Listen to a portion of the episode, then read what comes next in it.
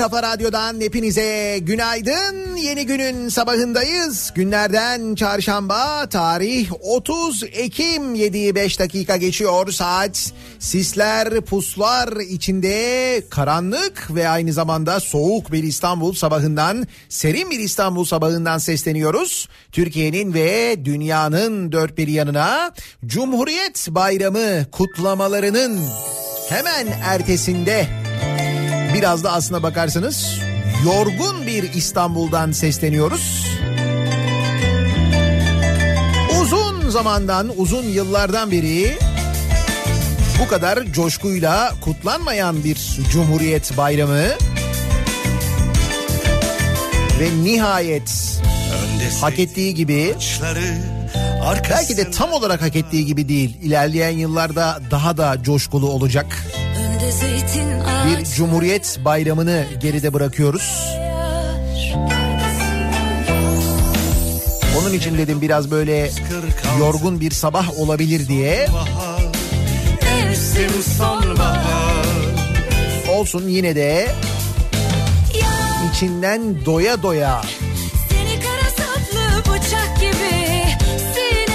yaşasın Cumhuriyet diye haykıranların Seni kara saplı bıçak gibi. bunu söylerken içi gurur dolanların çekinmeden söyleyebilenlerin sayısının ne kadar arttığını görünce insan bir ayrıca mutlu oluyor, ayrıca gurur duyuyor. Tel tel çözülüp kalmışım. Değirmen misali döner başım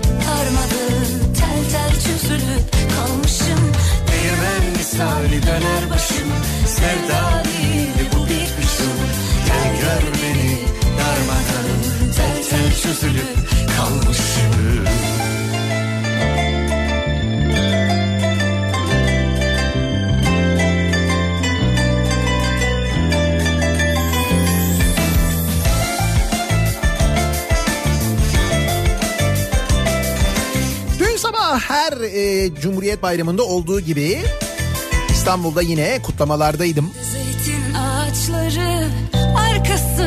Kadıköy'de Bağdat Caddesi'nde sabah gerçekleştirilen bir geçit töreni oluyor.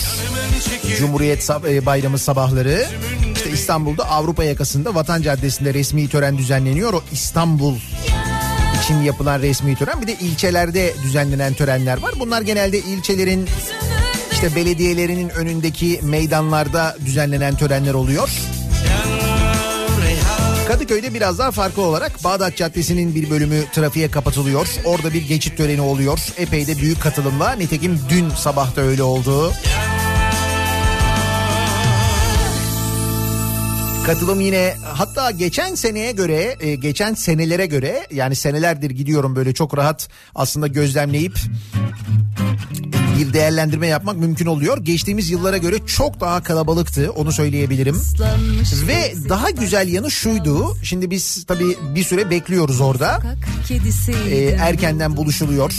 İşte biz e, mesela İstanbul Klasik Otomobilciler Derneği olarak katılıyoruz. Dün 96 temiz e, klasik araç vardı. E, bu araçlarla oradan başlayan bir geçit ardından e, işte Avrupa yakasına geçildi. Dolmabahçe'ye gidildi. Böyle bir güzergah izlendi. O bekleme sırasında da tabii birçok insanla sohbet etme, konuşma fırsatı buldum ben. sıcak temiz Güne dair en net gözlemim şuydu. İnsanlar e, hangi Cumhuriyet Bayramı kutlamasına akşam katılacaklarını düşünüyorlardı. yordular. Çünkü o kadar çok seçenek vardı ki dün İstanbul'da. Gerçekten hayal gibi burada olmak şimdi hem ilçe belediyelerinin düzenlediği etkinlikler hem de İstanbul Büyükşehir Belediyesi'nin 28 Ekim'den başlayarak önce Sultanahmet Meydanı'nda, dün Üsküdar'da, ayrıca 7 ayrı ilçede yine İstanbul Belediyesi'nin organize ettiği etkinlikler hangisine hangi birine gidelim diye insanlar düşünüyorlardı. Bu seçenekler arasında kararsız kalmışlardı.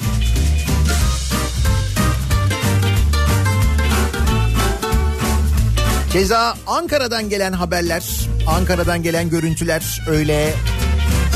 Ankara Büyükşehir Belediyesi uzun yıllardan sonra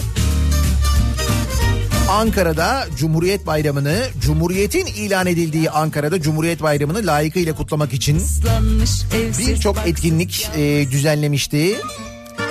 Bir sokak kedisiydim buldun beni Hatta daha da güzeli var. Kalbinde bir yer açtın Ankara Büyükşehir Belediyesi Cumhuriyet Bayramı'nda Dikmen Vadisi'ne bir Mustafa Kemal Atatürk portresi yerleştirmiş. Portrenin yerleştirildiği konum ise şöyle bir konum. Eskiden e, belediyenin kedi logosunun bulunduğu bir konum burası. Ve Ankara Büyükşehir Belediyesi'nden taca çıkan Melik Gökçek'in evinin tam karşısında yer alıyormuş. yemin ederim çok seveceğim Nasıl? Bence en güzeli bu olmuş. Ankara'da. Yemin ederim çok seveceğim seni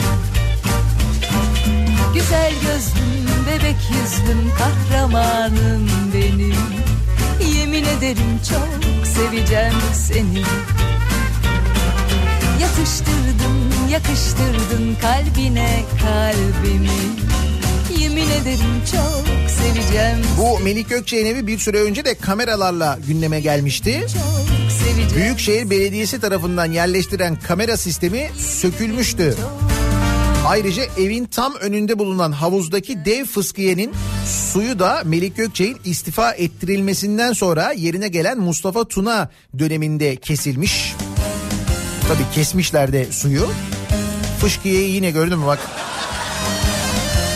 Bu Melik Gökçek'in bu fıskiyelerden yana şansı yok arkadaş. Yok yok. Kedi logosu varmış kedi. Onu kaldırmışlar. E güzel de olmuş canım.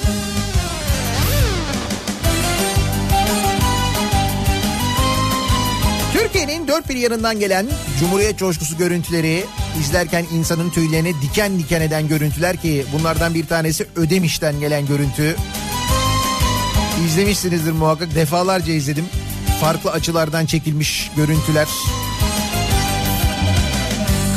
Ödemiş'te 2000 kişi birlikte zeybek oynuyorlar. Ödemiş'in en işlek caddesi trafiğe kapatılmış. bir kız sevdim bir Cumhuriyet Bayramı böyle kutlanıyor. O gün o görüntüleri bilmiyorum izlediniz mi? Bence en güzellerinden bir tanesi oydu. kıyıları tersane tersane Keza birçok yerde gerçekten de güzel kutlamalar vardı bu sene. Anıtkabir'deki ziyaretçi sayısının Anıtkabir'e giden ziyaretçi sayısının bu sene daha da arttığı bilgisi var.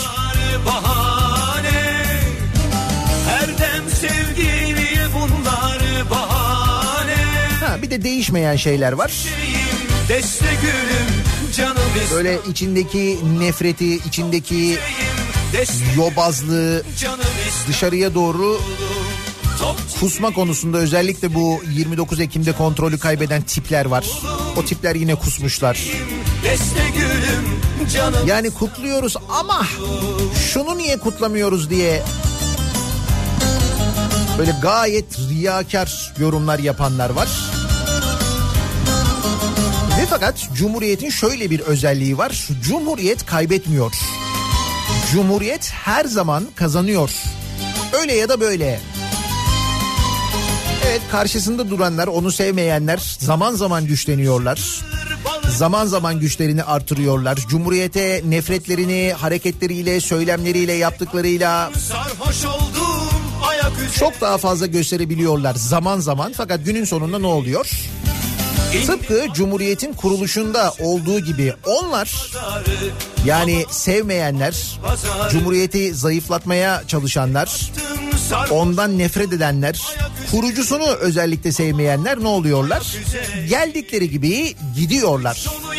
En başından beri böyle bu. Hep öyle oluyor. Tarih tekerrür ediyor. Yine tekerrür ediyor işte. Üç tanecik badem şekeri Olmadığı kadar daha güçlü oluyor Cumhuriyet. Böyle yaptıkça bunlar. Bakınız nasıl Cumhuriyet bayramlarından nasıl Cumhuriyet bayramlarına doğru geldik. canım İstanbul'um Top çiçeğim, deste gülüm, canım İstanbul'um Top çiçeğim, deste gülüm, canım İstanbul'um Top çiçeğim, deste gülüm, canım İstanbul'um Top çiçeğim, Tüm bunlar olurken önümüzdeki günlerin en sık konuşulacak, en fazla tartışılacak konusu tabii saatlerin geri alınmaması durumu. Kış saati uygulamasına geçti e, dünyanın büyük bölümü. Avrupa'da kış saati uygulamasına geçti. Pazar günü itibariyle geçtiğimiz pazar günü itibariyle saatler geri alındı ve dolayısıyla ne oldu? Avrupa ile aramızdaki saat farkı ikiye çıktı. Artık Avrupa ile Almanya ile Avrupa ülkeleriyle mesela saat farkı 2 oldu. İngiltere ile aramızdaki saat farkı 3 oldu. Kuzey Kıbrıs Türk Cumhuriyeti ile aramızda artık saat farkı var. Orada da saatler geri alındı. Bizde alınmadı. Kimi kimi gerçekler. Dolayısıyla sabahları orada bizim gibi olmayacak. Sabahları uyandığında insanlar yine aydınlık olacak. Bizim karanlık sabahlarsa uzayacak, uzayacak, uzayacak.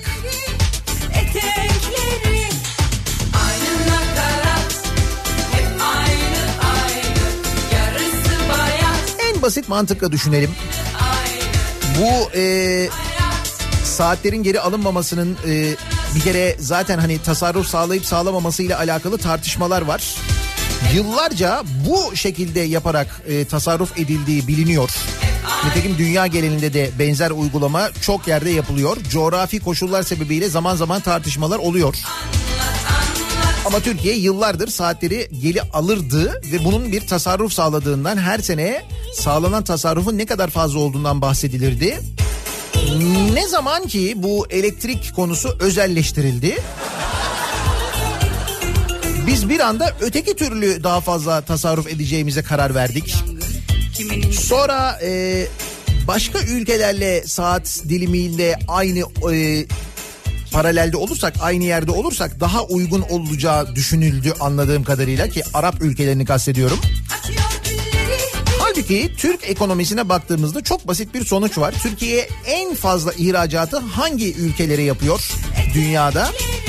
En fazla ihracatı dış ticaret hacmi Türkiye'nin en çok nerede büyük? Avrupa'da değil mi? Arap ülkeleri değil mesela. Asya değil mesela.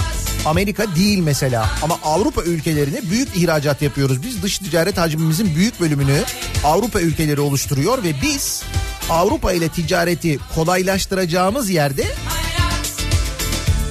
bir de yılın büyük bölümünde saat farkını arttırıyoruz. Daha da zorlaştırıyoruz yani. Gerçekten de çok zekiyiz. Özellikle ticaret konusunda öyle böyle değil yani. Ha bir de bizim koşullarımızın, yaşam koşullarımızın zorlaşması, sabah kör karanlık durumlarının iyice uzaması mevzu var. O ayrı bir mevzu. Orada zaten bizi düşünen yok. Onun için söylüyorum yani.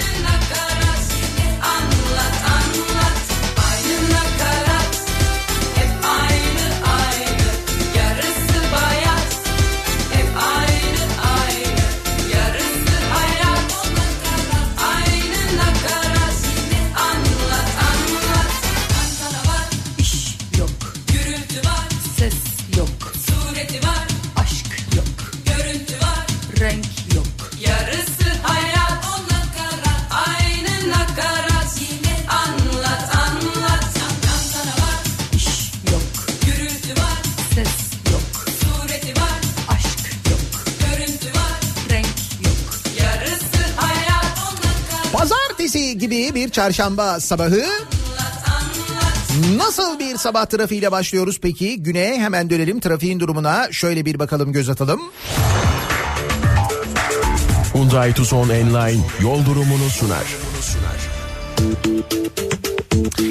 Köprü yoğunluklarının başladığı pazartesi sabahına benzer bir trafik yoğunluğu olduğunu görebiliyoruz. İkinci köprü trafiği Ataşehir'den başlıyor. Aralıklarla köprü girişine kadar sürüyor. Birinci köprü trafiği Uzunçayır'dan hemen sonra yoğun. Beylerbeyi çıkışı olmuş. Tünel girişinde çok ciddi bir sıkıntı yok. Ancak gerisinde E5'te Maltepe'den itibaren başlayan ve Göztepe'ye kadar devam eden ciddi bir yoğunluk olduğunu görüyoruz sevgili dinleyiciler.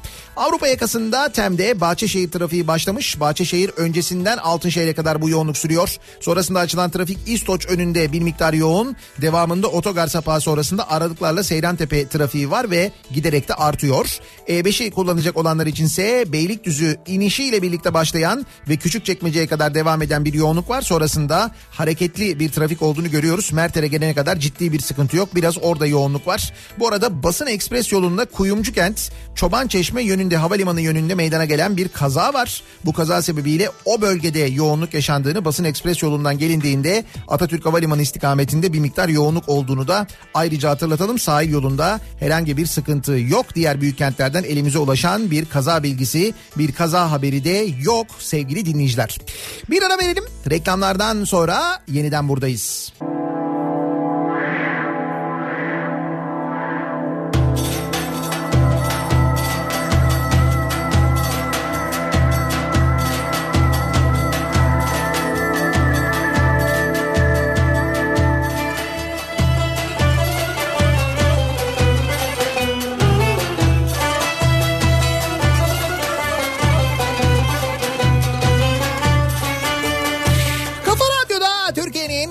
kafa radyosunda devam ediyor.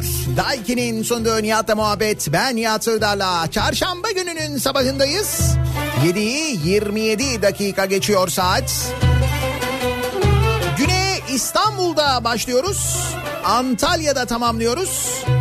Bu akşam Antalya'dan Antalya Altın Portakal Film Festivali'nden yayında olacağız. Bir kere en başta onu söyleyelim.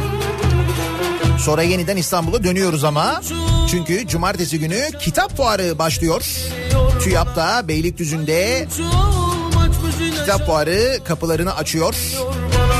Cumartesi günü saat 13'te kitaplarımı imzalamak için ben de kitap fuarında olacağım. Haberiniz olsun şimdiden söyleyeyim.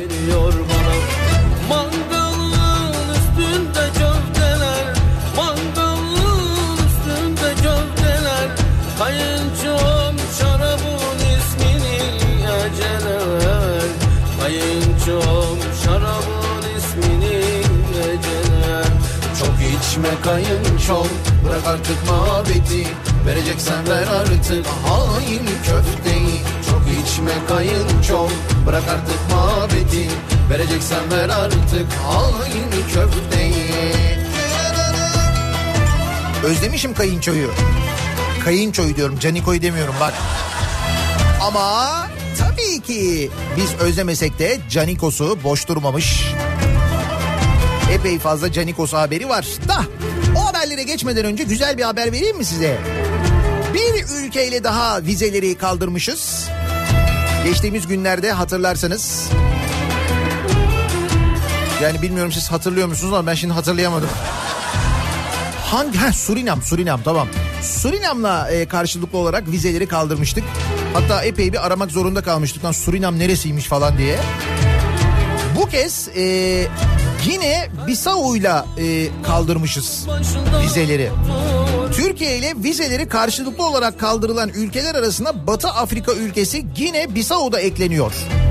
Karar Dışişleri Bakanı Dışişleri Bakanı'nın Gine Bissau Dışişleri Bakanı Suzy Carla Barbosa ile Dışişleri Bakanlığı'nda düzenlediği ortak basın toplantısında duyuruldu. Ya bu sevindirici haberi 29 Ekim Cumhuriyet Bayramı'nda tam da bu tarihlere denk gelmesi de çok güzel olmuş. O zaman haydi Gine Gine Bissau he. Haydi Gine Bissau'ya.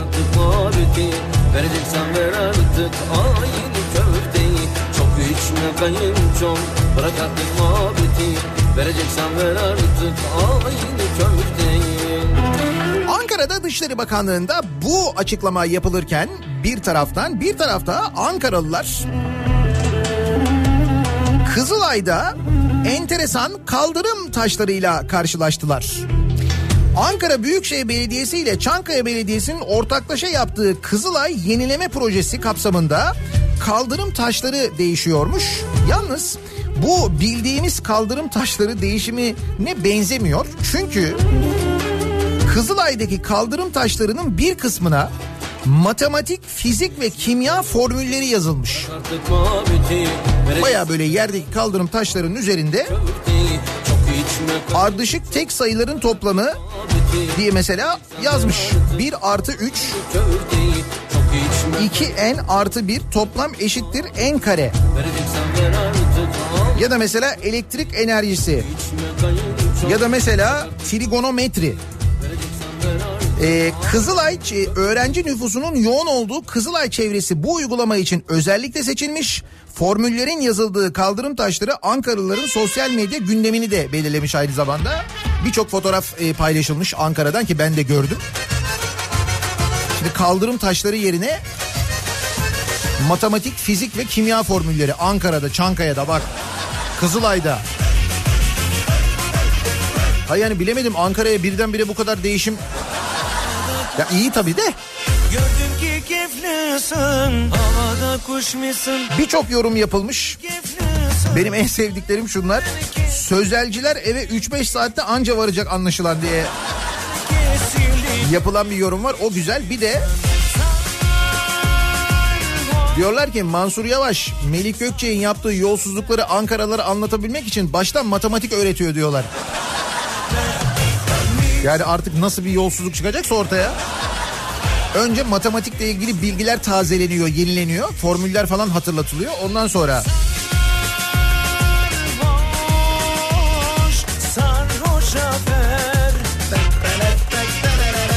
Haydi cevap ver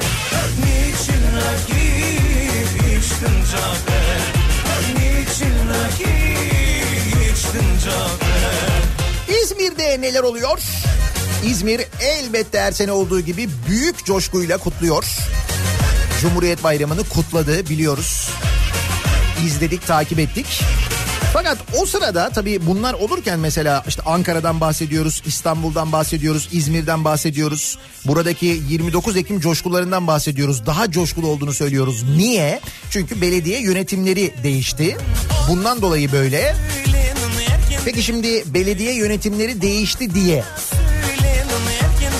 sizce bunu böyle karşıda oturup mu izliyorlar? Hayır tabii ki öyle yapmıyorlar. Bakın neler yapıyorlar. İzmir için korkunç karar diye bir haber var.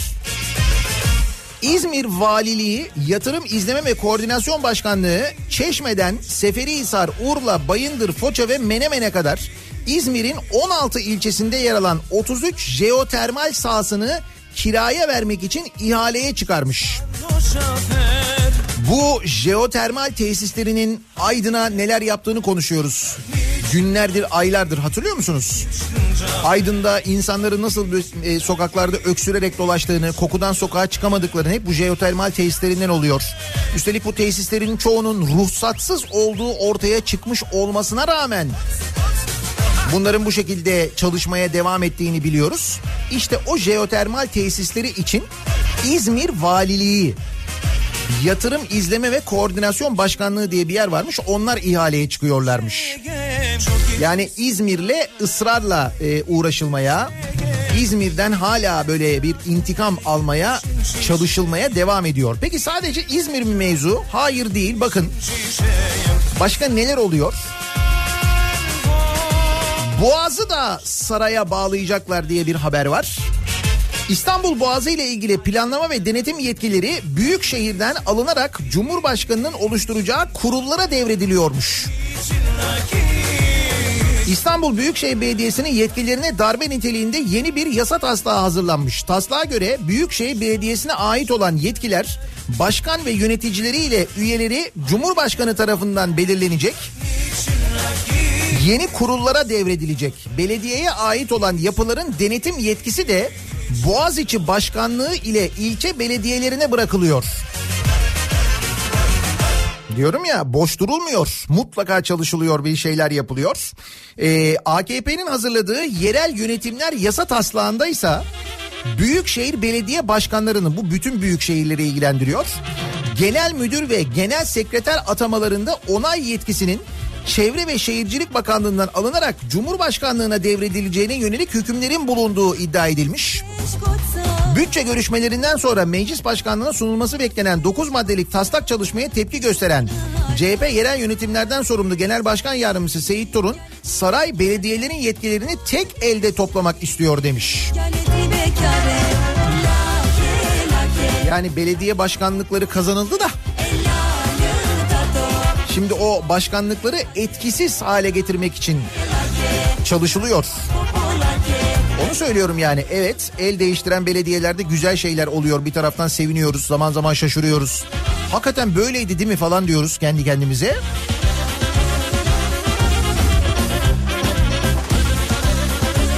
Ama işte karşı tarafta boş durmuyor.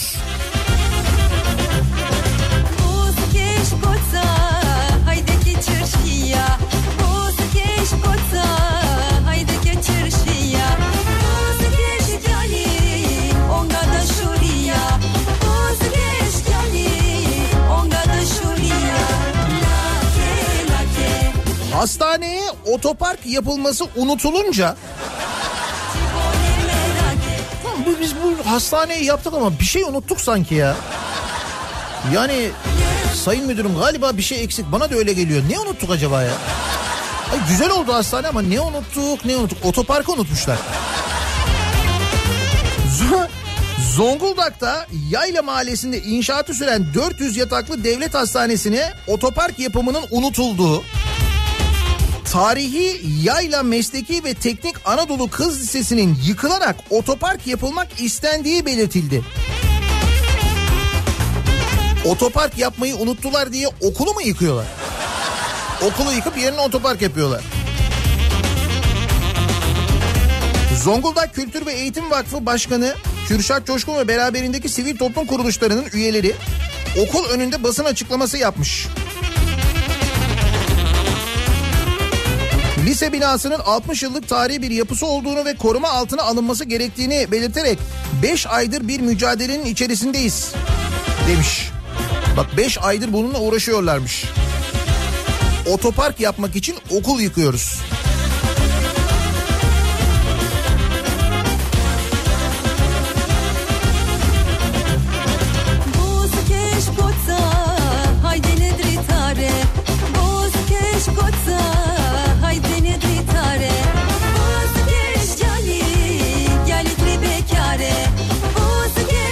Canikos'unun da biraz zekisi yani.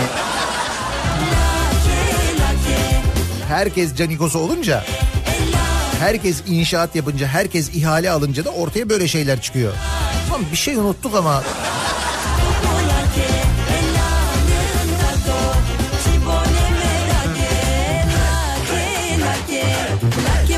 belediye fark etmedi. Sahte tapuyla 10 katlı apartman dikti. Sahte tapuyla 10 katlı apartman. Bak bir de böyle var Canikos'un. Üstelik bu Canikos'u yani bu e, sahte tapuyla 10 katlı apartman diken kim biliyor musun? Belediye meclis üyesi. Skandal Kayseri'de yaşandı. Ekrem Şahin belediye ruhsatıyla başkasına ait araziye yüksek bina dikti. Sahipleri belediye buna nasıl izin verdi diye sordu. Kayseri'de AKP'li Koca Sinan Belediye Meclis Üyesi ve EGS Beton ve Yenişehir Konu Yapı Konut Konu Yapı Kooperatifi diyor. Konuttur herhalde bu. Başkanı Ekrem Şahin sahte tapuyla 10 katlı bina dikti. Sülün Osman vakasına benzeyen olay için yerel gazeteler böyle skandal görülmedi manşetini attı. Kayseri'ye bak. Neler oluyor?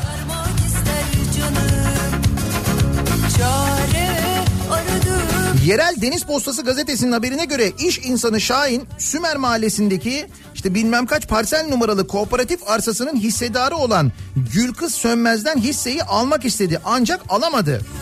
Kadın yurt dışında hayatını kaybedince Şahin bilgisayarında hisseli sahte bir tapu hazırlayıp belediye meclis üyesi bu.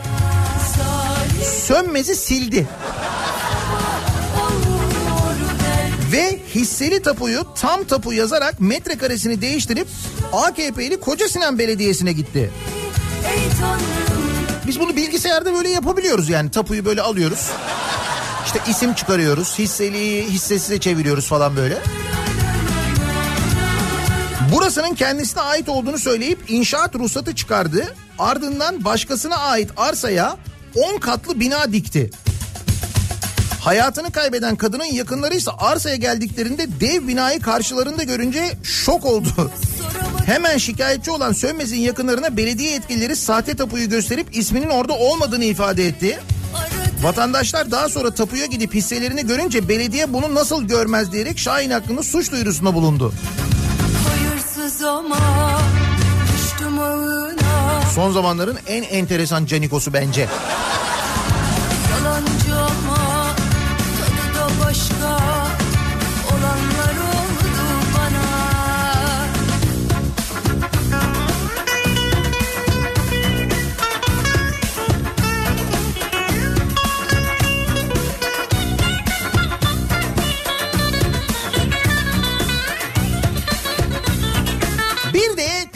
yetenekli olan canikolar var değil mi? Çok yetenekli olanlar. Öyle yetenekliler ki 5-6 yerden birden maaş alıyorlar.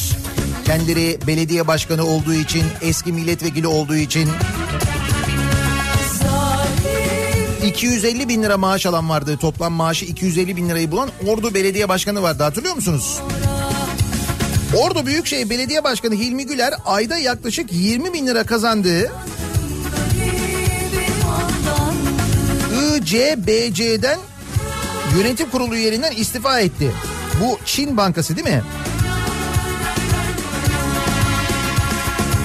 Industrial Commercial Bank of China. ICBC'nin açılımı bu. Oradaki yönetim kurulu üyeliğinden istifa etmiş 20 bin liralık kısmını oluşturuyormuş maaş. Bu 250 bin liranın 20 bin lirası gitmiş yani. Yapma be. He? Şimdi ne oldu? 230 bin liraya mı düştü yani? Sabah sabah ne kadar üzücü bir haber.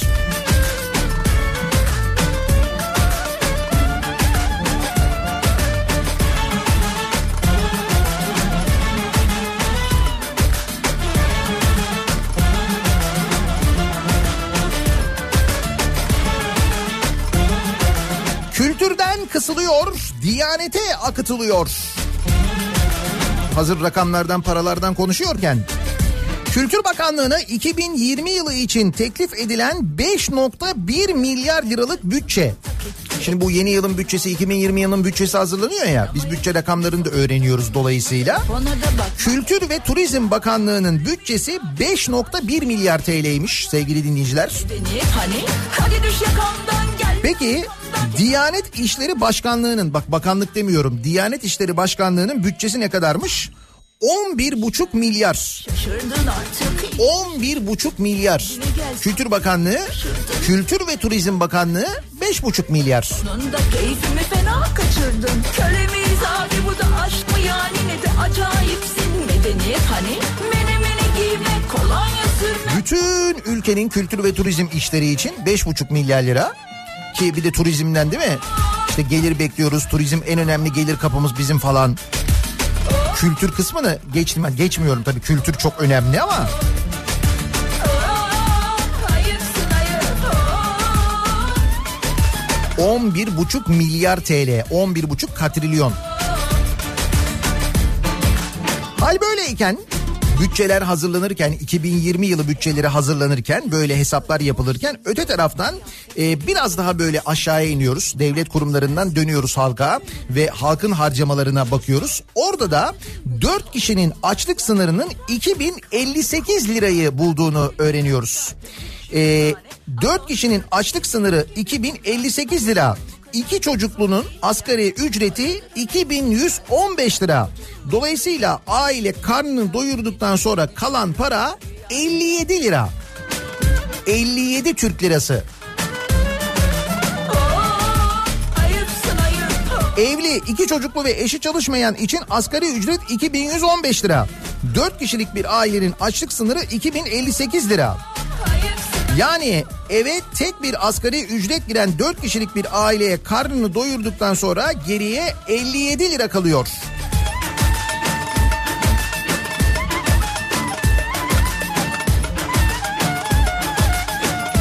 Halbuki enflasyon da düştü ama.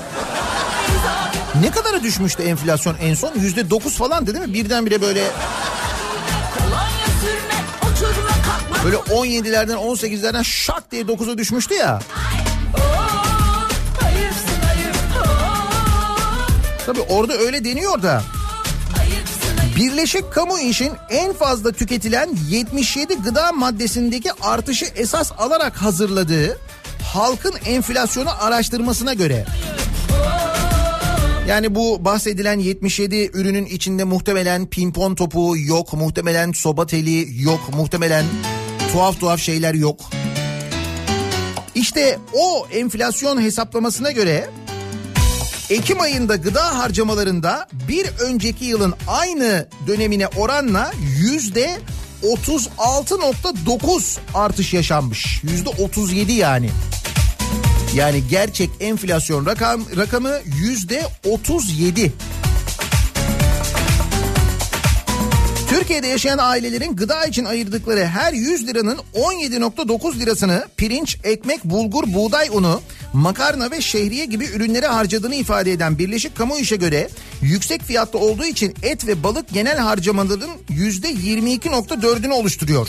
Son bir yılda unlu mamul fiyatlarında %16.2, Et balık fiyatlarında 4.3, süt ve süt ürünleriyle yumurta fiyatlarındaki artış %33.4 olarak kaydedilmiş. Sayenizde Ama enflasyon kaç? 9. Yersen yani.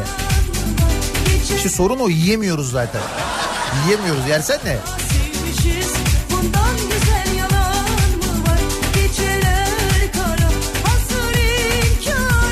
Dönelim yeniden Canikos'una. Çünkü aralarında çok yetenekli olan bir tanesi var. Hani şu e, eskiden belediye çalışanı olan da sonradan şirket kuran ve Sirkeci Garı ve Haydarpaşa Garı ihalelerini alan var ya. Heh. Haydarpaşa ve Sirkeci Garları ihalesini alan İstanbul Büyükşehir Belediyesi persone, personeli eski personeli Hüseyin Avni Önder'in belediyedeki işine neredeyse hiç uğramadığı gittiğinde de mesaisinin saatlerle sınırlı olduğu ortaya çıkmış. Aa bankamatikmiş. E öyleymiş. Sözcünün haberine göre belediye İstanbul Büyükşehir Belediyesi Devam Kontrol Sistemi kayıtlarına göre Halkla İlişkiler Şube Müdürlüğü'nde 27 Ocak 2014 tarihinde işe başlayan Hüseyin Avni Önder 1 yıl 9 ay 12 gün çalıştıktan sonra 31 Ekim 2015'te 3 bin lira bürüt maaşla işten ayrılmış. Önder bu süre boyunca Belediye Halkla İlişkiler Müdürlüğü'ne neredeyse hiç uğramamış. Çalışma saatleri de dikkat çekmiş. Örneğin 27 Şubat tarihinde 1 saat 42 dakika. 26 Şubat'ta 3 saat 36 dakika mesai yapmış. 20 Şubat günü de sadece giriş çıkış yapmak için kart basmış. Ama arada gelmiş be. He? Gelmiş kartı okutmuş, girişte okutmuş, çıkışta okutmuş. Bak içeri de girmemiş.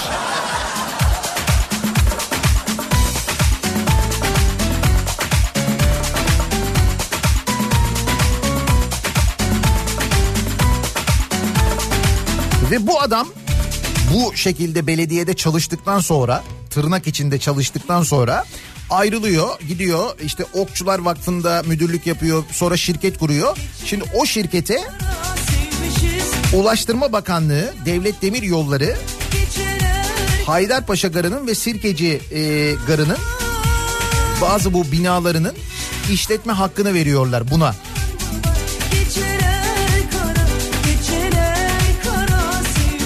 Yetenekli Bay Önder. Öyle bir film vardı hatırlıyor musunuz? Yetenekli Bay Ripley diye.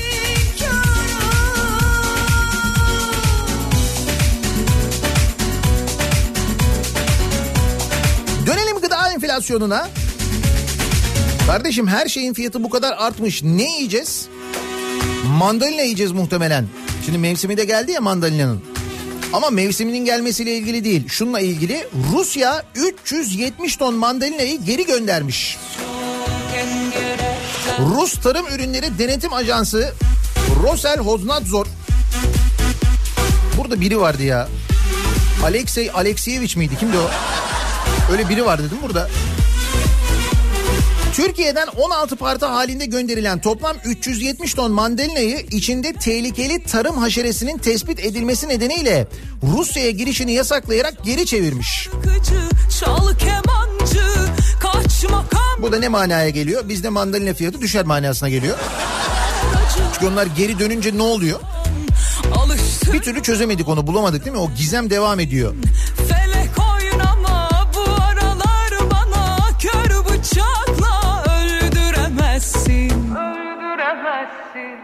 Boşanmış kalp zemberekten Zehrimiz çok engerekten Gurbet elden memleketten Peşrevini çal şarkısı bizden Boşanmış kalp zemberekten Zehrimiz çok En iyi emeklilik sıralaması açıklandı. elden En iyi emeklilik sıralaması. çal şarkısı Biz kesin varızdır da. Değil mi? Türkiye sondan 3. sırada. 37 ülkeyi kapsayan ve en iyi emeklilik araştırmasında Türkiye sondan 3. sırada yer aldı. Zirvede Hollanda ve Danimarka bulunuyor. Türkiye sadece Arjantin ve Tayland'ın üstünde yer aldı.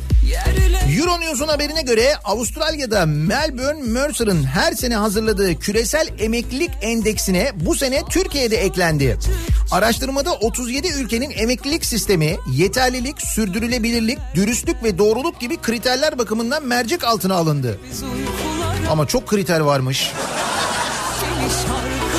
Ayrıntılı incelemelerden sonra her ülkenin endeks puanı çıkarılarak 37 ülkenin sıralaması yapıldı.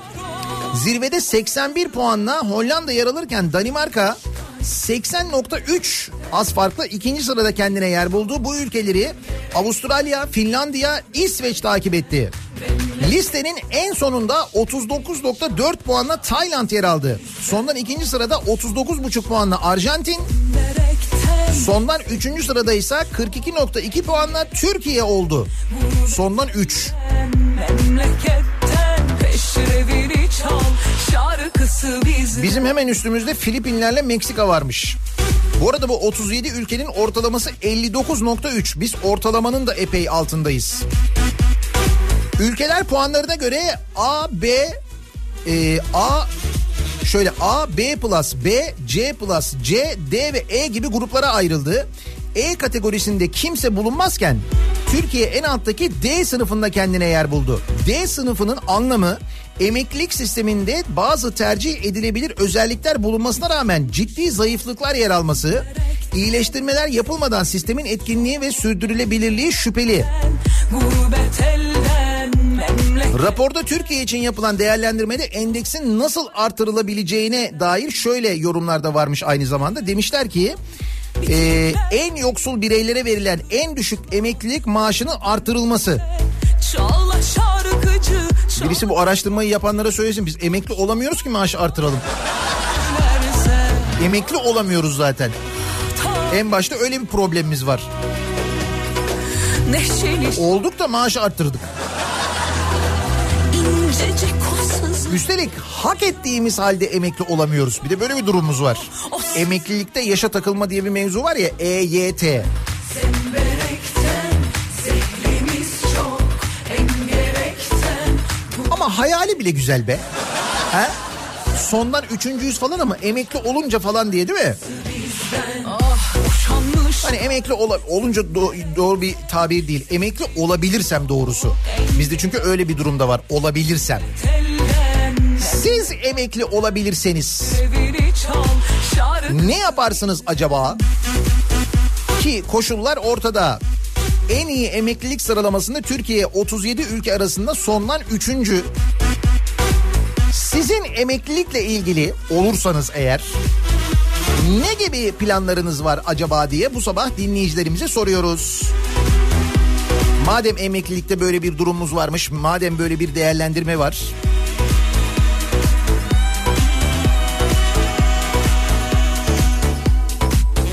Boşanmış Emekli olabilirsem bu sabahın konusunun başlığı olsun.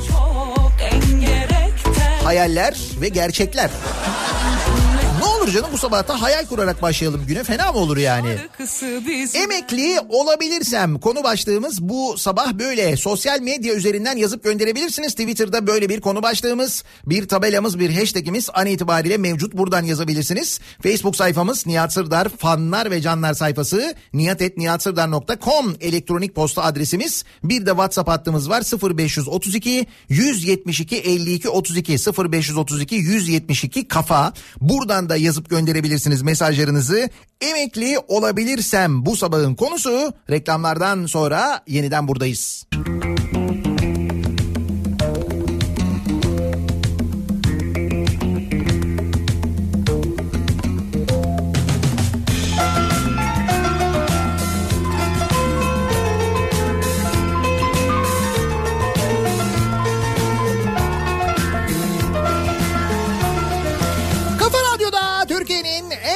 radyosunda devam ediyor.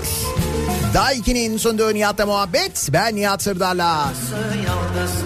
30 Ekim çarşamba gününün sabahındayız. 8'i 1 dakika geçiyor saat.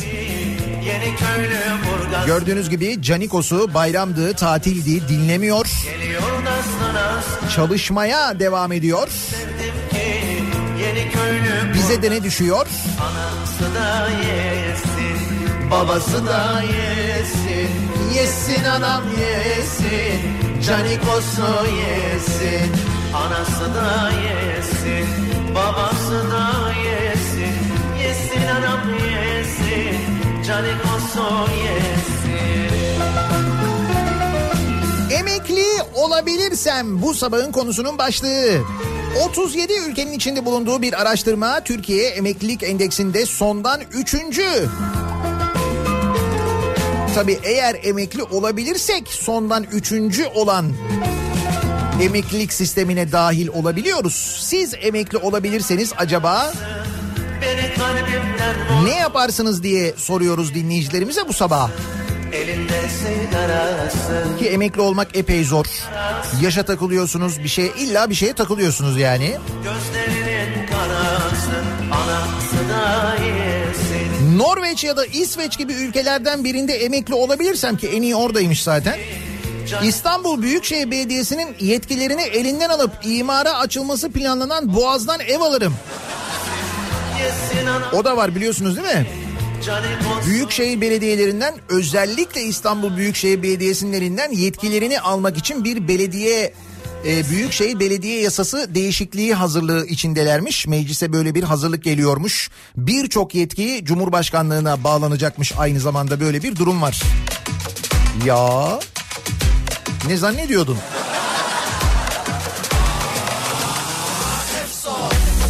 Emekli olabilirsem ki hiç sanmıyorum 37 yıl var diyor Merve. Canikolarının olmadığı bir dünyada yemek istiyorum emekli maaşımı mümkünse. Dur bakayım 37 yılda değişir. 37 yılda değişir Merve be. O kadar da umutsuz olmayalım. 37 yıl sonra. malaya E kaynadı karaya Yaşı Yıllardır emekli olabilirsem dedim. Nihayet oldum. Ama değişen bir şey yok çünkü kaynağım ben kaynak.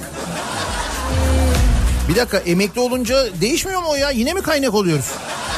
Yok canım emekli emekli diyor işte tamam yani şey gibi böyle mesela hani jübileyi yapmışız gibi oyundan tamamen çıkmışız gibi hala emekli olunca kaynak olur mu insan canım?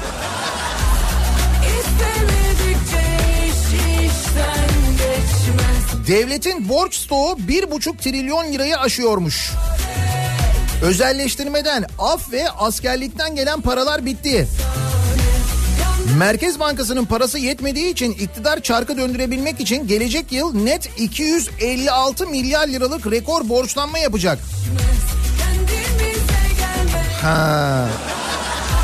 O zaman evet doğru kaynakmışız.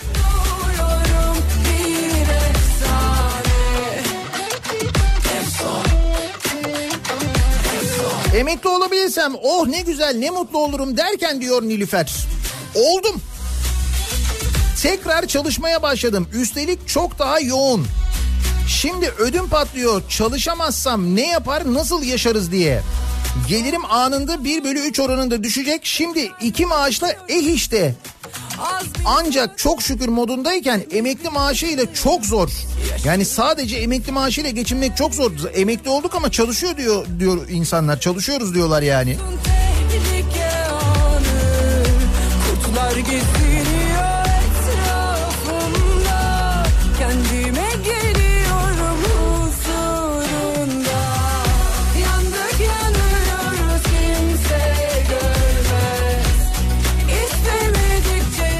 1994 girişliyim. 8400 prim günüm var.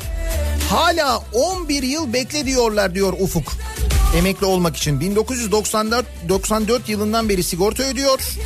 8400 prim günü olmuş. Ve diyorlar ki 11 yıl bekle işte bu emeklilikte yaşa takılma mevzu tam olarak bu aslında. Peki 11 yıl daha bekleyecek. 94 yılından beri çalışıyor. 8400 prim günü ödemiş. Daha da kim bilir kaç gün ödeyecek. Ne kadar maaş alacakmış peki Ufuk emekli olduğunda? Emekli olabilirse 1000 lira maaş alacak. 1000 TL. Nasıl?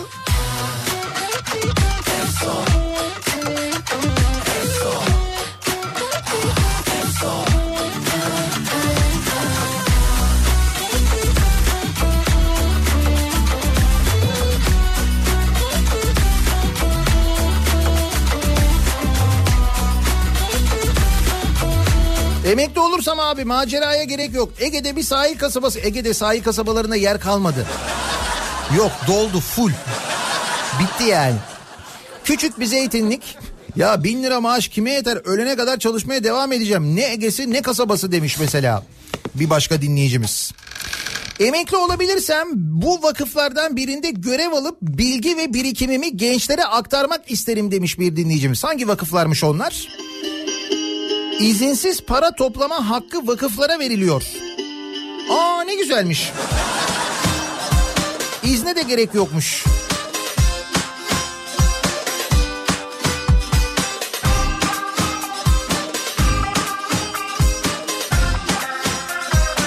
Birçok vakfın Cumhurbaşkanı'nın onayıyla izin almadan yardım toplama hakkına sahip kuruluşlar statüsüne alınmasının ardından son iki yılda aralarında TÜGVA ve TÜRGEV'in de yer aldığı toplam 7 vakfa izin almadan yardım toplama hakkı verilmiş. Ah, bu kanepenin bir dili olsa anlatsa dünya sarsılsa yok çok sevişmeyi Bence emeklilik için doğru plan. Eğer bu vakıflardan birine kapağı atabilirseniz varsa söyle doktor derdime bir çare yıllarca emekli olabilirsem deyip durdum diyor. Ahmet Duman göndermiş. Emekli oldum. Şimdi aile bütçesini takviye için derhal yeni iş aramaya başladım. yanımda istiyorum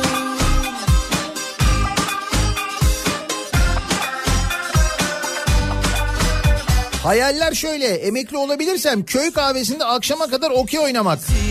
Hayatlarsa şöyle emekli olabilirsem inşallah çalıştığım iş yerinden çıkarmazlar çalışmaya devam ederim geçinebilmek için. bizi Ne demişler aşk ilaçtır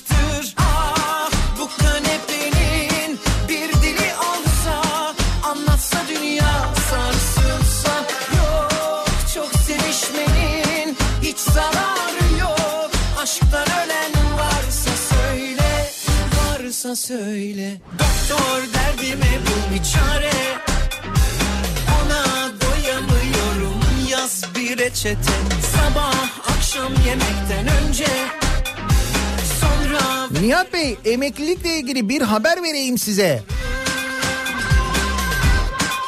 Emekli Hizmetleri Genel Müdürlüğü'nde çalışıyorum.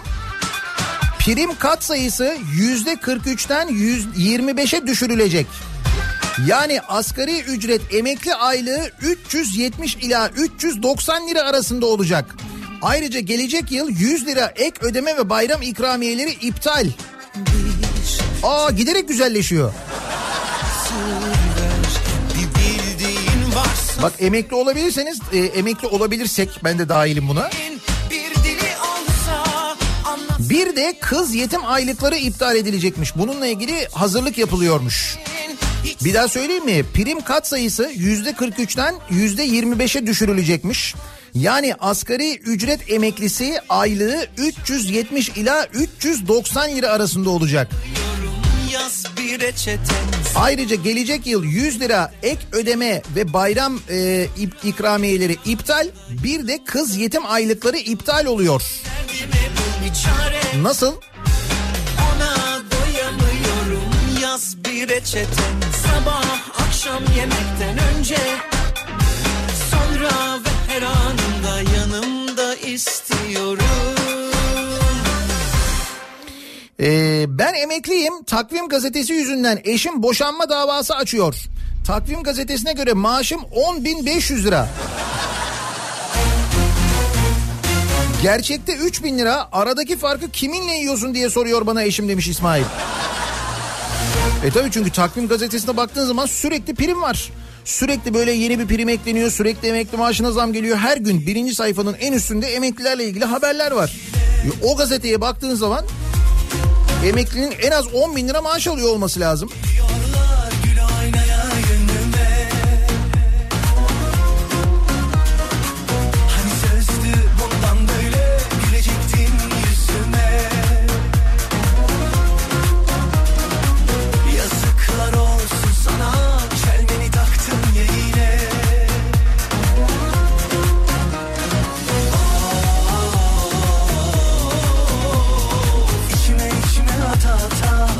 İşi biliyorsam ya EYT'liler iktidarı değiştirir ya da seçime yakın iktidar EYT'yi yumuşatır.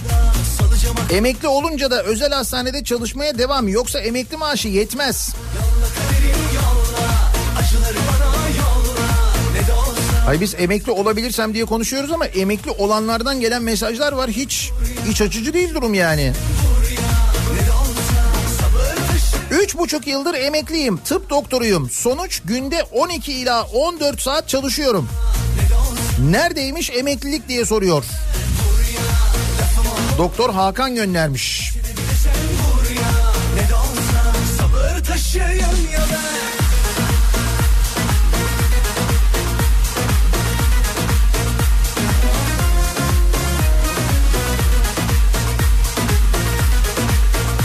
Emekli olmadan önce milletvekili olmam lazım yoksa anlamı yok diyor Metin. Ha bak bu güzel. Bir de tam böyle milletvekili olduğumuz döneme denk getirirsek emekliliği aman tadından yemiyor o zaman çok güzel oluyor.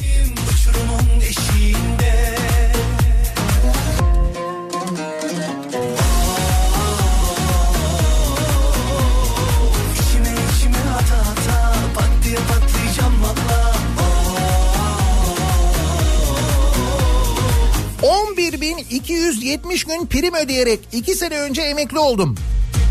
1480 lira maaş almaya başladım. Doğal olarak hala çalışıyorum diyor Birol. Buyurun. 11.270 gün.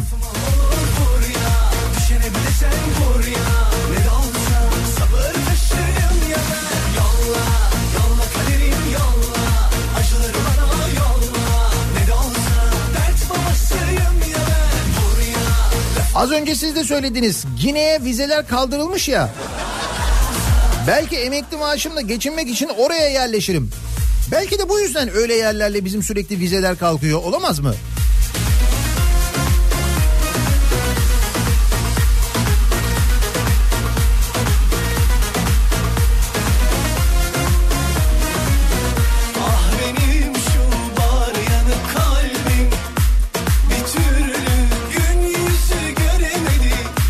Emekli olabilirsem geçici bir sürede olsa siyasete bulaşacağım. Yıllardır devlet memuru olarak konuşurken kelimeleri dikkatli seç.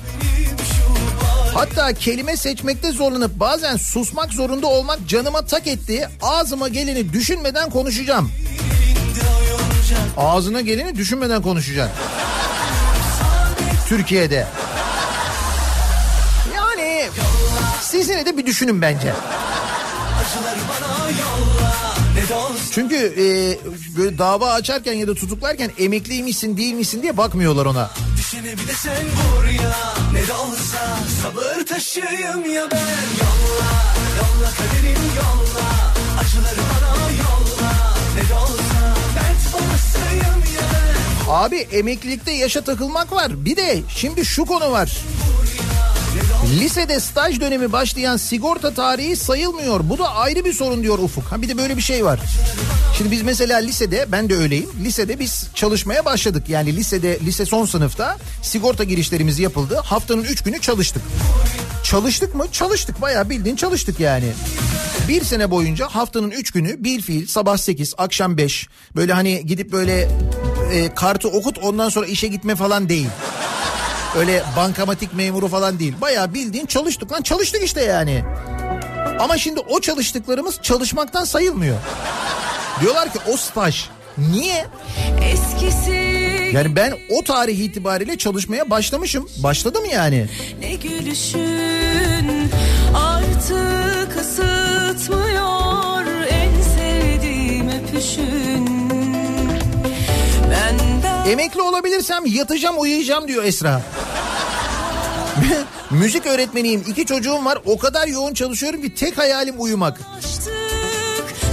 Tabii uyurken de zaten başucuna getiriyorlar. istediğin kadar parayı bırakıyorlar sana. Esra'cığım sen uyanma sen emekli oldun al bu parayı buraya bıraktık diyorlar. Çok güzel oluyor hiç sorun olmuyor. Emekli olabilirsen eğer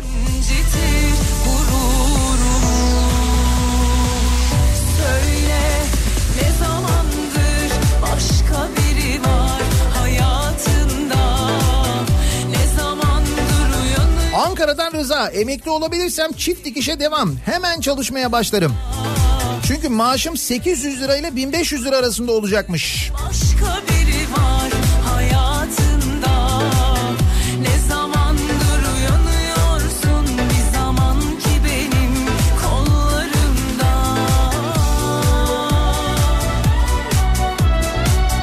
Emekli olabilirsem bir kas çiftliği kuracağım. Kusura bakmayın onu yaptılar. Yeni orijinal bir fikir bulmanız lazım. Kas çiftliği kuracağız diye de milleti dolandırmışlar. O da oldu.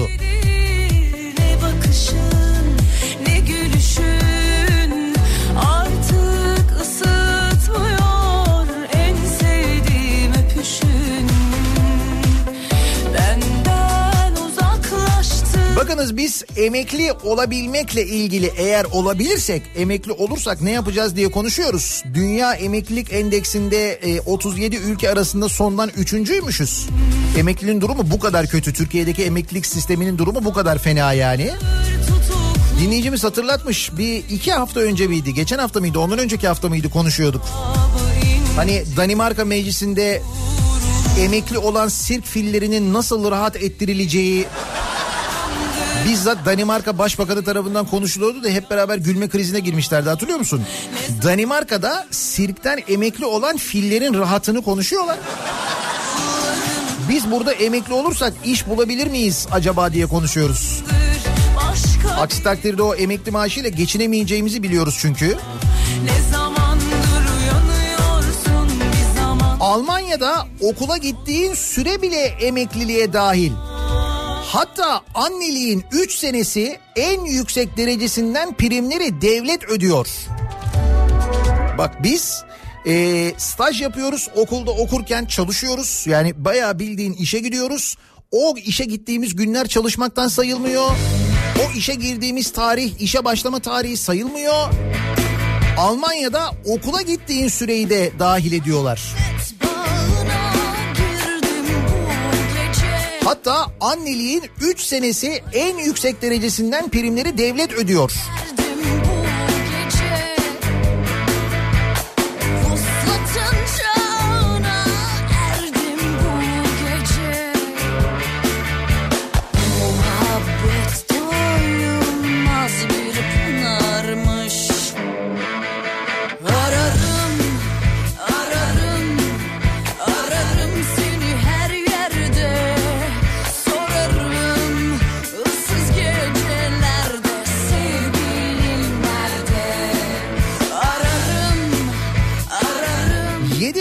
7400 günüm var emekli olabilirsem eğer bir tavşan çiftliği kuracağım.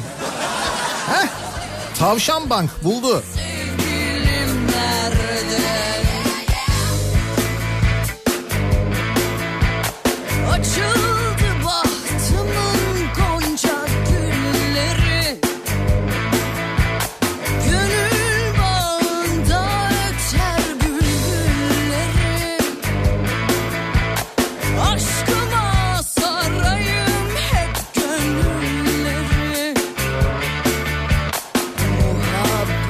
Olabilirsem diye düşünüyordum. 2009 yılında emekli oldum. Ama ara vermeden çalışmaya devam ediyorum. Ararım, ararım E çünkü ülkemizde emekli olunca 452 dolar maaş alıyorsun harca harca bitmiyor. Size dolarla mı veriyorlar? Demek ki öyle bir seçenek var. Biz yanlış yeri işaretlemiş olmayalım ya.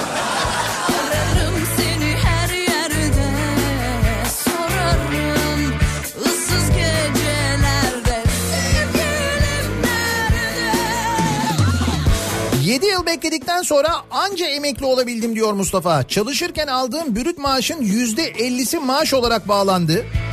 Bu ne demek? Yaşam kalitesinin %50 azalması demek. Şimdi ben nasıl bir plan yapabilirim?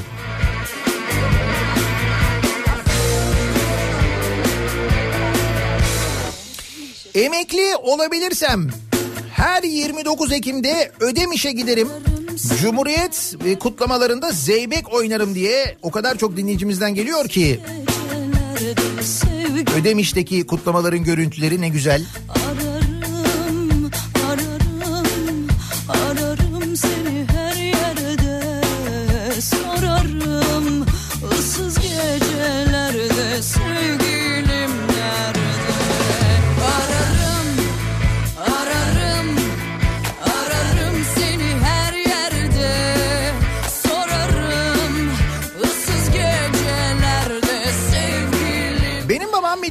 1998 yılında emekli oldu. O zamanki emekli maaşı 950 liraydı. Bu dönem zamanlarında da kriz vardı. Ama emekli maaşına dokunmuyorlardı. Ben şu an emekli olursam bu paraya yakın alacağım. Geçinebilmek için üzerine çalışmam gerekecek diyor Songül. Ki bakın yeni kesintilerle ilgili hazırlıklar varmış. Var olan emekli maaşları ile ilgili yani hali hazırda emekli olanların maaşından da kesintiler olabileceğine dair bilgiler haberler geliyor. Belli ki önümüzdeki günlerde öyle şeyler göreceğiz.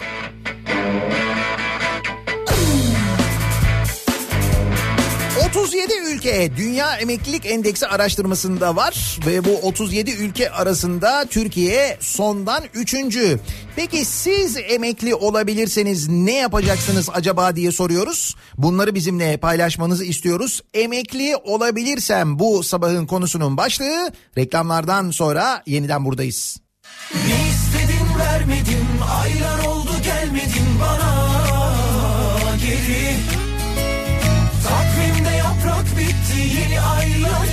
can be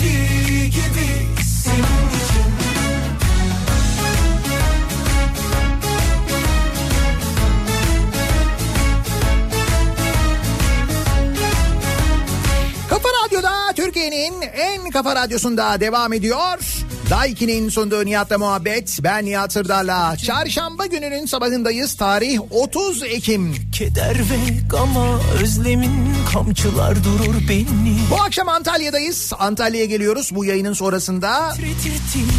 Antalya'da 56. Altın Portakal Film Festivali başladı. Devam ediyor hafta sonu. beni Altın Portakal Film Festivali yarışması da aynı zamanda sonuçlanacak. Ulusal film yarışması geri döndü. Altın Portakal ismi de geri döndü. Yılların Altın Portakal Film Festivali'nin isminden Altın Portakal'ı çıkarmışlardı hatırlayacaksınız. Bir önceki kent yönetimi yeniden Altın Portakal oldu. Hatta bu dönemde geride bıraktığımız dönemde ulusal film yarışması yapılmadığı Bu nedenle e, alternatif bir ulusal e, film yarışmasının İstanbul'da yapıldığını biliyorduk. İşte o filmlerde ödül kazananlar da altın portakallarını alacaklar bu festivalde aynı zamanda. İşte biz de bu akşam yayınımızı Antalya'dan gerçekleştireceğiz. Antalyalı dinleyicilerimizle buluşma görüşme imkanımız olacak bu akşam. Nefesim resim çizer cama Emekli olabilirsem bu sabahın konusunun başlığı. Neden? Çünkü Türkiye Dünya Emeklilik Endeksinde 37 ülke içinde sondan 3. olmuş. Ki gelişmeler bize gösteriyor. Emekliler için daha da zor günler geliyor öyle anlaşılıyor. Maaşlar giderek düşüyor daha da düşecek. Emekli olmak giderek daha da zorlanacak. Zor hale gelecek. Ve gelen mesajlarda anladığımız kadarıyla gelen mesajlardan emekli olanlar da hiç öyle emekli oldum çalışmıyorum emekli maaşıyla geçiniyorum durumunda değiller. Herkes bir iş yapabilmenin derdinde. Emekli oldukları halde çalışabilmenin derdinde insanlar. Ki insan fani Sen varsan biz varız Biz bu aşkı toplarız Yeter ki geri Ne istedin vermedim Aylar oldu gelmedin 1991 yılında işe başlayan bir hemşireyim. 10 bin iş günüm var. 29. yılımı çalışıyorum. Emeklilikte yaşa takılanlar hakkımızı ararken yaşlandım yıllardır. Daha 14 ayım var emekli olmaya. Emekli olabilirsem ülkem hala yerindeyse ne yapacağımı düşüneceğim o zaman diyor Günyal Hemşire göndermiş. ne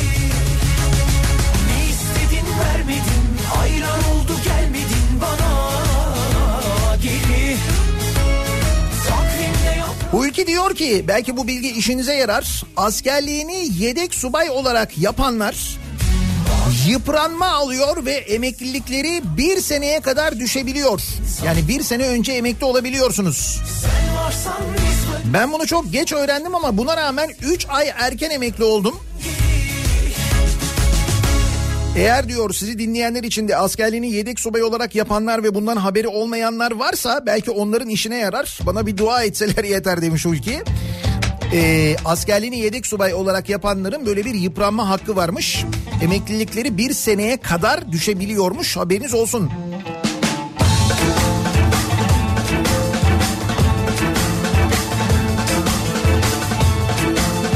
Kardeşim emekli olabilirsem konusunu nereden açıyorsunuz ya? Ne güzel kafaya takmadan çalışıyordum. Ne yapacağım ben şimdi diyor ata soruyor. Gidim ama benim boyum kaç Benim kilom kaç Daha benim yaşım kaç Onun aşkı bana ekstralar Bana ekstralar Bana ekstralar Gidim ama benim boyum Emeklilik derken şaka mı yapıyorsunuz diye sormuş bir dinleyicimiz. Yo şaka yapmıyorum öyle bir şey var. Şaka gibi ama var yani. Yani emekli olduğunda bağlanan maaş şaka gibi. Özledim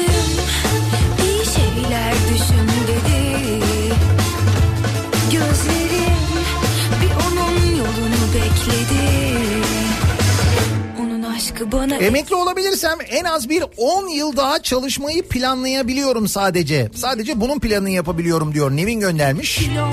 Emekli olabilirsem 2044 yılında emekli olacağım. Tabii yaşarsam. Yani 67 yaşında emeklilik. 16 yaşımda çalışmaya başladım. İş hayatım 51 sene sürecek.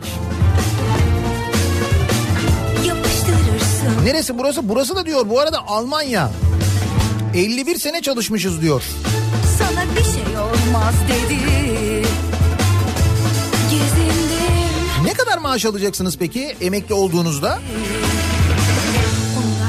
Onun hesabını yapabiliyorlar mı? Almanya'da bu kadar çalışmanın sonunda ne kadar emekli maaş alacaksınız acaba? Gidim ama benim boyum kaç Benim kilom kaç Daha benim yaşım kaç Onun aşkı bana ekstra Ben emekli olabilirsem bir maaş ödeyecekler mi pek emin değilim.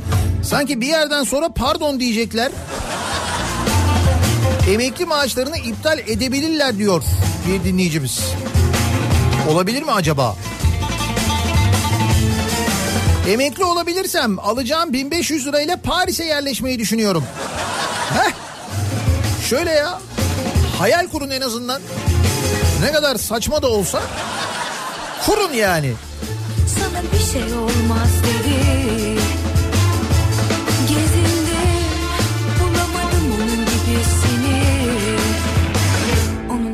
Bana extra large, bana extra large, bana extra large. Yedim ama benim boyum kaç, benim kilom kaç, daha benim yaşım kaç. Onun aşkı bana extra large, onun aşkı bana... Emekli olabilirsem 65 yaşında kurumda doğum günüm kutlanacak. Sonra çıkacağım Ego'dan 65 yaş kartı alacağım. Sonrasında da her gün Ulus'a ekmek almaya gideceğim. Bir Ankaralı'nın emeklilik planları böyle mesela.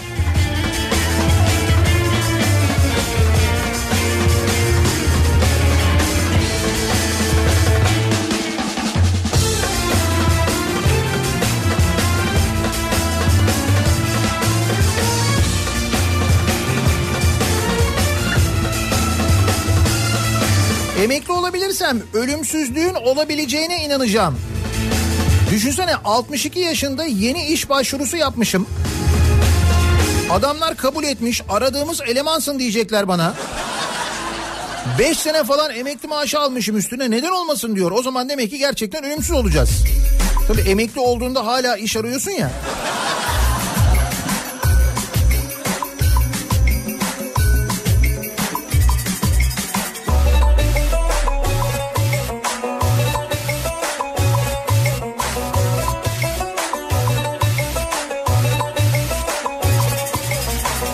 ...85 doğumluyum. 2005 yılında polis oldum.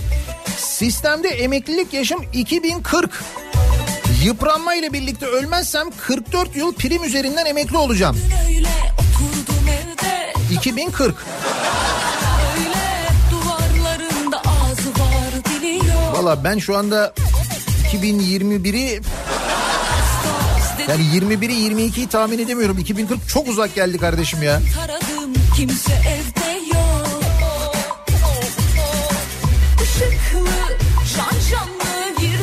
Emekli olabilirsem eğer mahalledeki çocukların topunu keseceğim. Hep hayalim.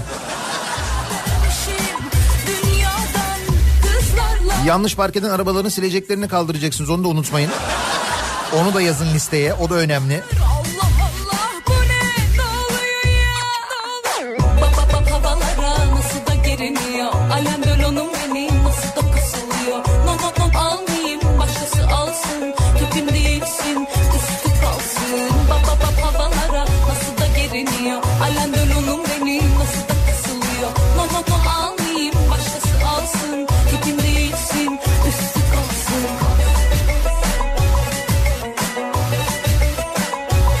Emekli olmama 31 yıl var ya.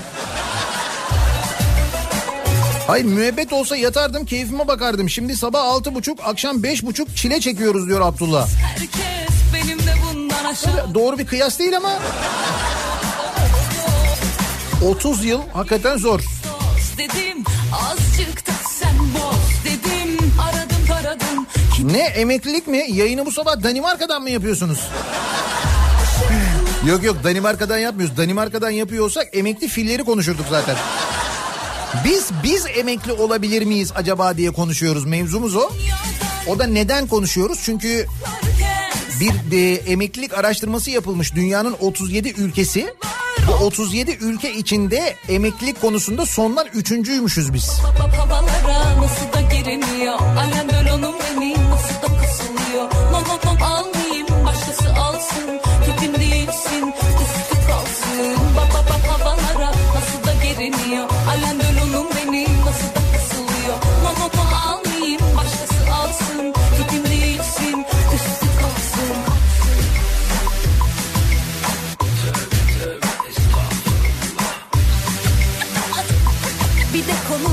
Emekli olabilirsem bir lojistik şirketinde tır şoförü olarak işe başlamayı planlıyorum.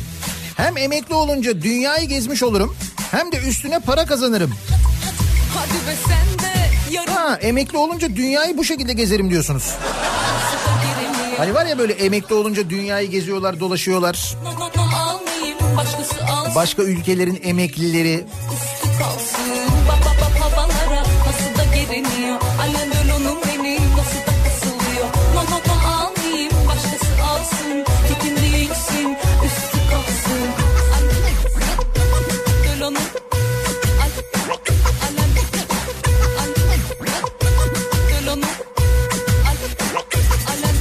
Nihat Bey arkadaşların hayallerini yıkmak da istemem ama ben 15 yıldır emekliyim.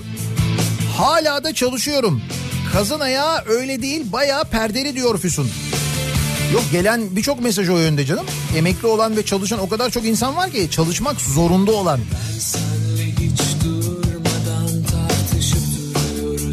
Müzik öğretmeniyim 2048 yılında emekli olacakmışım.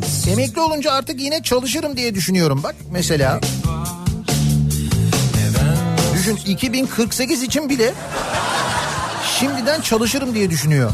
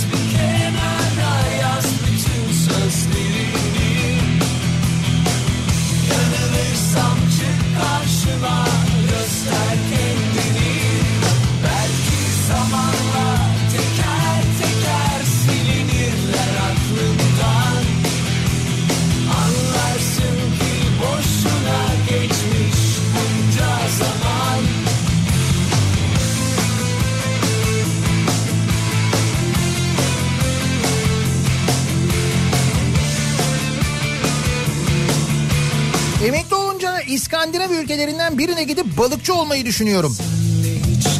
Oradaki balıkçıların en büyük problemlerinden bir tanesi biliyorsunuz ellerinin çatlaması. Neyse ki ona da bir kremle çözüm bulmuşlardı. En son onu hatırlıyorum ben.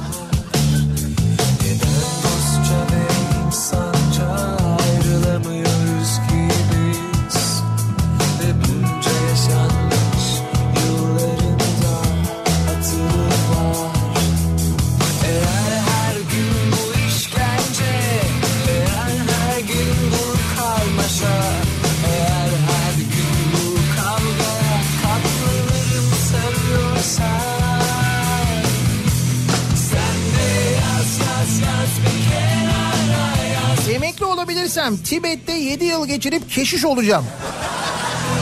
Belki hayatın anlamını bu şekilde çözerim diyor Hatice. Fena fikir değil aslında. Belki orası daha ucuzdur diye düşündüğüm için söylüyorum bu arada. Ben de emekli olunca birkaç şirketin yönetim kuruluna girsem mesela. Şimdi o öyle emekli değil. Yani siz emekli olunca olmayabilir o. Ama mesela bakanlıktan böyle milletvekilliğinden falan emekli olursan o zaman öyle bir imkan olabiliyor. Yaz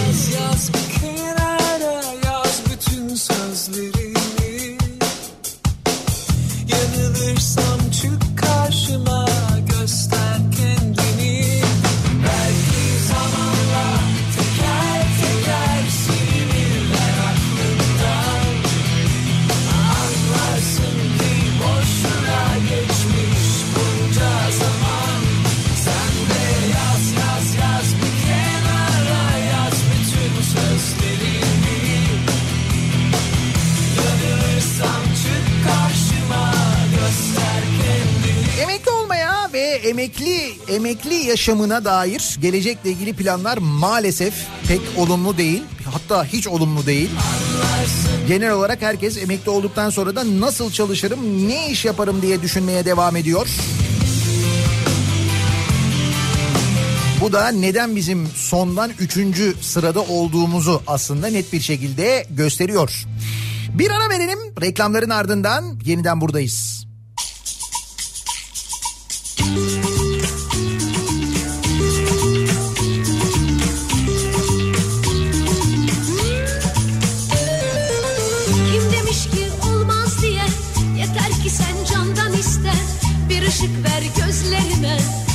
Ötesini hiç düşünme. Kim demiş ki olmaz diye? Yeter ki sen candan iste. Bir ışık ver gözlerime Ötesini hiç düşünme